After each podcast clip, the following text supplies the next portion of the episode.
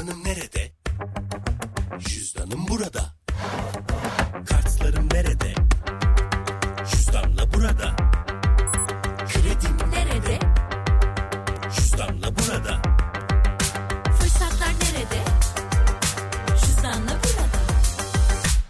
Cebindeki cüzdanın artık mobilde. Hemen indir, anında kullanmaya başla. Yeni nesil ödeme cüzdanım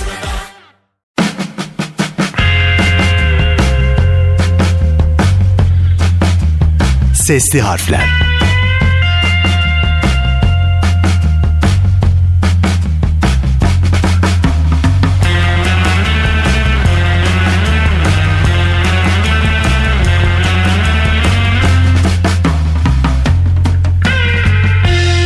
Herkese mutlu günler diliyorum. Ben Bahri Fedai. Sesli Harfler'de yeni bir podcast bölümüyle karşınızdayım. Sesli Harfler'in bugünkü icat konusu radyo.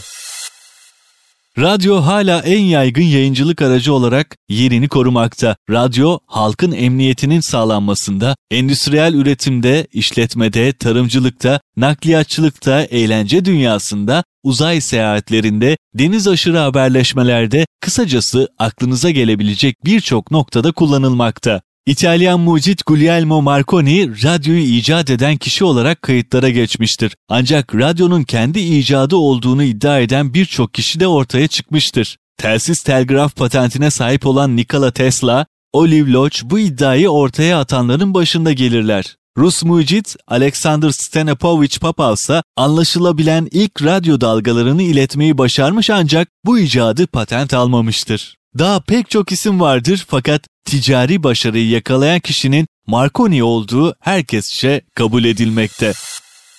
İtalyan fizikçi Marconi'nin yaptığı çalışmalar insanlar için oldukça önemli. Bir mucit ve mühendis olan Guglielmo Marconi ilk başarılı uzun mesafe telsiz telgrafı geliştirdi ve yaygınlaştırdı. 1901'de ilk transatlantik radyo sinyalini yayınladı. Şirketi Marconi Radio, okyanus yolculuklarında gemilerin iletişim kurmasını sağladı ve batan Titanik'ten sağ kalan yolcular da dahil olmak üzere yüzlerce hayat kurtardı. 1909'da radyo çalışmaları için Nobel Fizik Ödülünü Alman fizikçi Ferdinand Braun'la paylaştı. Popov, Loach ve Marconi, Edward Branly'nin bulduğu Branly tüpü adı verilen ve radyo dalgalarını saptamak için kullanılan bir aracı geliştirmeye çalışıyorlardı. 1890 yılında başlayan bu geliştirme çabaları 1895 yılında Marconi ve Popov'un birbirlerinden habersiz bir şekilde geliştirmeleriyle sonlanacaktı. 1896 yılında ise ilk defa Popov tarafından Henry Hertz ismi Morse alfabesi kullanılarak anlaşılır bir şekilde iletildi. Rusya Deniz Kuvvetleri hesabına çalışan Popov, İngiliz James Clerk Maxwell ve Alman Henry Hertz'in buluşmalarını değerlendirerek radyo yayın ve alıcı tekniği geliştirmiş ve hatta 1900 yılında Paris'teki Dünya Fuarı'nda Büyük Alman madalyasını da almıştı. İlk keşif şu şekilde gerçekleşti.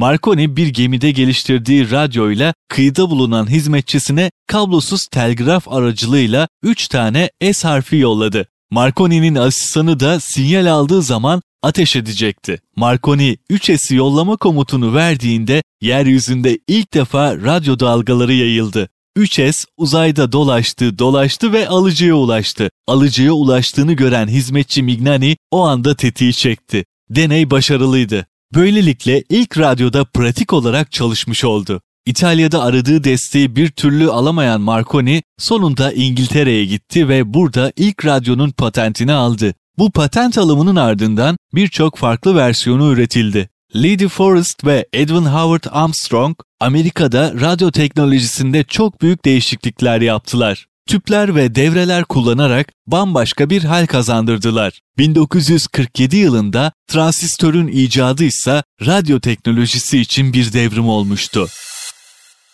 İtalyan fizikçi Marconi'den geliyoruz güzel ülkemize. Radyonun ülkemize gelmesi çok kolay olmamış o dönemlerde. Maddi sıkıntılar Cumhuriyet'in yeni kurulmuş olması yanı sıra sebebini bilmesem de muhalif olanlar da epey fazlaymış radyonun gelebilmesiyle alakalı. Ama her şeye rağmen radyo yayınlarının çalışmalarını üstlenen birileri de olmamış değil. İleri gazetesinin sahibi Sedat Nuri İleri ve Hayrettin Bey. Türkiye'de ilk radyo yayını Eşref Şefik Bey'in anonsuyla başladı. Tarih 6 Mayıs 1927. İstanbul Sirkeci'de Büyük Postane'nin stüdyoya dönüştürülen üst katında 5 kW'lık vericiyle yapılan ilk radyo yayını henüz kimsede radyo bulunmadığından ötürü her akşam posta binasının kapısının üzerine yerleştirilen hoparlör aracılığıyla duyurmuşlar. Ve işte o ilk anons.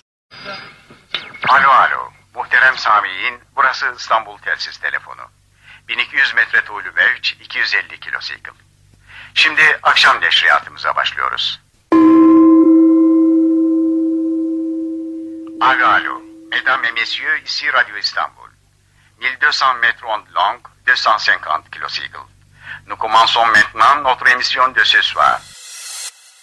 Ankara ve İstanbul'da o dönemde kurulacak iki istasyonun verici güçleri 5 kW'tı. Bunlar döneminin dünyadaki en güçlü vericileriydi. Bu sebeple Avrupa'nın her yerinden, İskandinav ülkelerinden bile dinleneceği tahmin edilerek radyo yayınlarının Türkçenin yanı sıra Fransızca ve Almanca dillerinden de yayın yapılmış. Küçük bir radyo odasında bir çatı katında başlayan bu hikaye artık devasa boyutlara ulaşmış durumda ve FM bandından sonra dijitalle beraber şu an olduğu gibi sizlere ulaşabiliyoruz. Bakalım zaman daha bize neler gösterecek yaşayıp göreceğiz hep beraber.